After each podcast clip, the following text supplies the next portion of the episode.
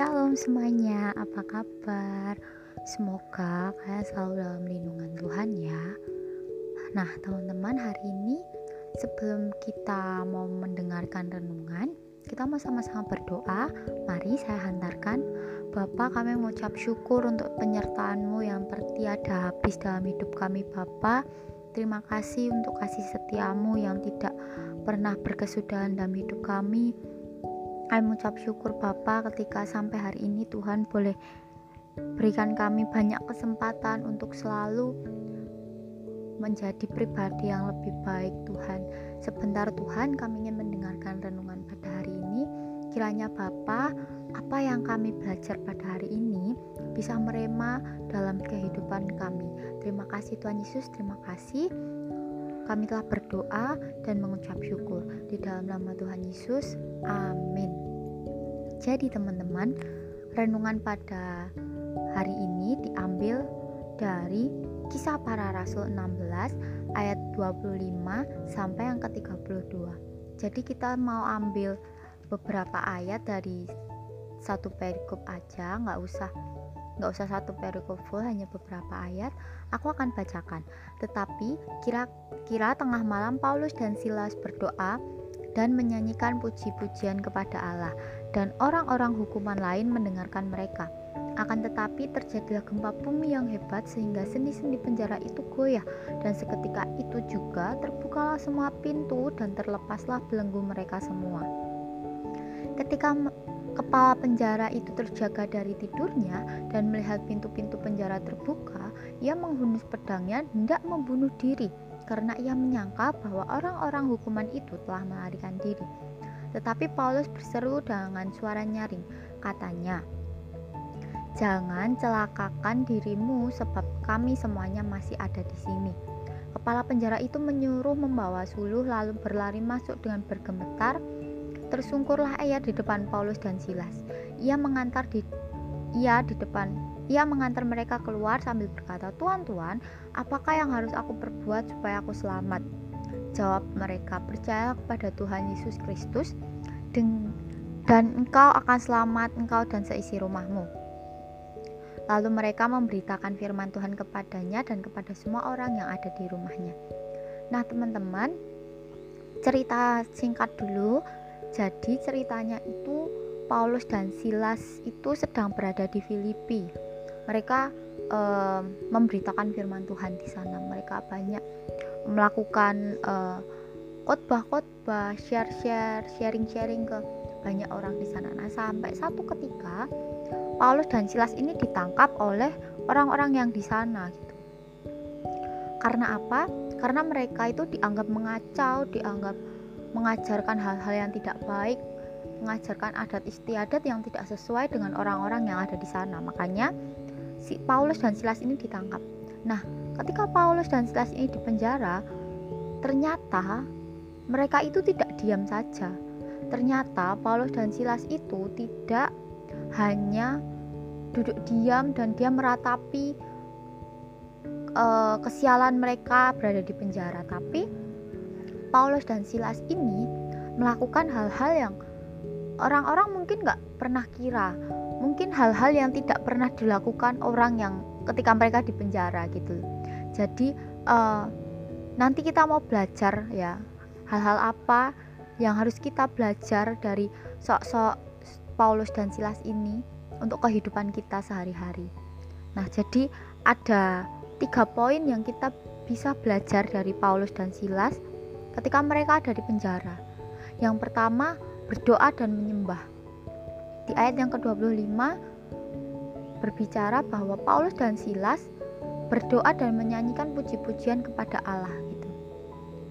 Dan orang-orang hukuman lain mendengar. Jadi di keadaan di penjara sekalipun ya, Paulus dan Silas tetap mengutamakan Tuhan. Mereka tidak lupa dengan Tuhan, bahkan mereka tidak mengejat Tuhan. Mereka tidak menghakimi Tuhan bahwa kenapa Tuhan kok aku sial masuk penjara padahal aku nggak salah. Tapi Paulus dan Silas tidak seperti itu. Ketika keadaan menghimpit mereka, mereka nggak bisa ke mana-mana, mereka nggak bisa memberitakan firman Tuhan keliling-keliling, tapi Paulus tetap bisa berdoa dan menyembah. Kadang teman-teman, ketika kita di keadaan yang terhimpit kadang ketika kita berada di keadaan uh, yang sangat menghimpit kita kadang kita lupa dan kita tidak bisa untuk berdoa dan menyembah malahan kita menyalahkan keadaan kita menyalahkan Tuhan nah teman-teman kita mau belajar dari Paulus dan Silas bahwa seperti apa pun keadaan kita hari ini, kita dirumahkan, kita kerja di rumah, sekolah di rumah, apa pun di rumah. Jangan lupa untuk terus cari Tuhan, karena itu kunci utamanya, teman-teman. Maupun keadaan kita seperti apa, berdoa dan menyembah itu adalah kunci yang utama. Yang kedua adalah sepakat. Jadi, ketika Paulus dan Silas ini sepakat untuk mereka, yuk berdoa menyembah maka di situ ada sebuah kebangkitan, ada sebuah revival yang terjadi. Nah, di ayat yang ke-26 akan tetapi terjadilah gempa yang sangat hebat sehingga sendi-sendi penjara itu goyah. Jadi teman-teman ketika Paulus dan Silas ini berdoa dan menyembah, tiba-tiba terjadi gempa bumi yang hebat dan itu meluluh lantakkan penjara sehingga mereka bisa keluar dari penjara tersebut. Nah, kadang-kali teman-teman kita punya teman sepelayanan kita punya teman uh, partner pelayanan tapi kita nggak bisa sepakat sama mereka nah kalau kita nggak bisa sepakat nggak bakal ada kebangkitan terjadi nggak bakal ada revival terjadi kalau waktu itu Paulus dan Silas mereka nggak sepakat untuk berdoa dan menyembah maka mereka nggak bisa keluar dari penjara tersebut. Maka mereka nggak bisa terlepas dari belenggu tersebut. Mereka tidak bisa terlepas dari masalah tersebut. Jadi teman-teman ketika kita mau keluar dari masalah kita ya kita harus sepakat dulu sama Tuhan. Mau nggak kita jalan bareng sama Tuhan?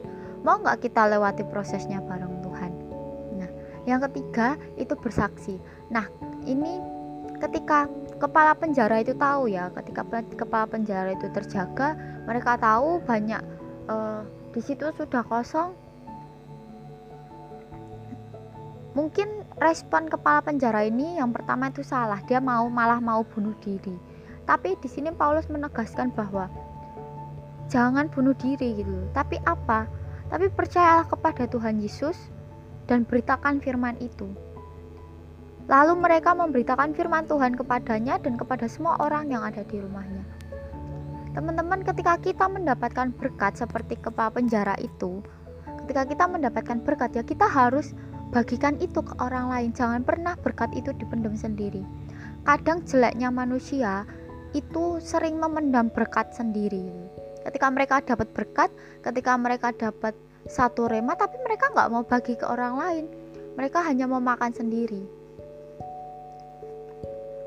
Jadi teman-teman ketika kita dapat berkat ya bagikan itu bagikan ke orang-orang yang belum dapat berkatnya. Biar apa? Biar semua dapat berkat. Ketika kita membagikan tuh kita nggak akan kehilangan kok. Malah kita akan mendapatkan yang lebih dan lebih. Nah teman-teman aku nggak tahu ketika hari-hari ini hidupmu seperti apa keadaan kita keadaanmu hari ini seperti apa tapi yuk kita mau belajar dari tiga poin ini berdoa menyembah sepakat dan bersaksi jangan sampai melakukan semuanya itu hanya rutinitas tapi lakukan itu semua karena kita mau memandang Tuhan Jangan pernah minta keluargamu dipulihkan Tuhan. Jangan minta teman-temanmu dipulihkan Tuhan kalau kita nggak bisa melakukan tiga poin di atas. Jadi seperti itu teman-teman renungan pada hari ini. Mari kita berdoa. Bapak kami mengucap syukur untuk renungan pada hari ini Bapak. Terima kasih telah mengajari kami dari pribadi Paulus dan Silas Tuhan.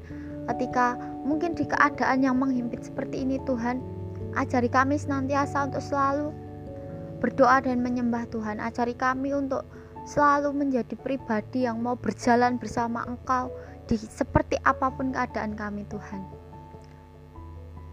Gandeng kami, dampingi kami untuk selalu memberitakan Injil-Injilmu, Injil kebenaran kepada seluruh orang Tuhan. Terima kasih Tuhan untuk renungan pada hari ini. Kiranya Bapak bisa merema dalam setiap kehidupan pribadi kami. Terima kasih Tuhan Yesus. Sebentar kami akan melanjutkan segala aktivitas kami Tuhan yang jagai, Tuhan yang sertai. Dalam nama Tuhan Yesus kami telah berdoa dan mengucap syukur. Haleluya. Amin. Terima kasih semuanya. God bless you.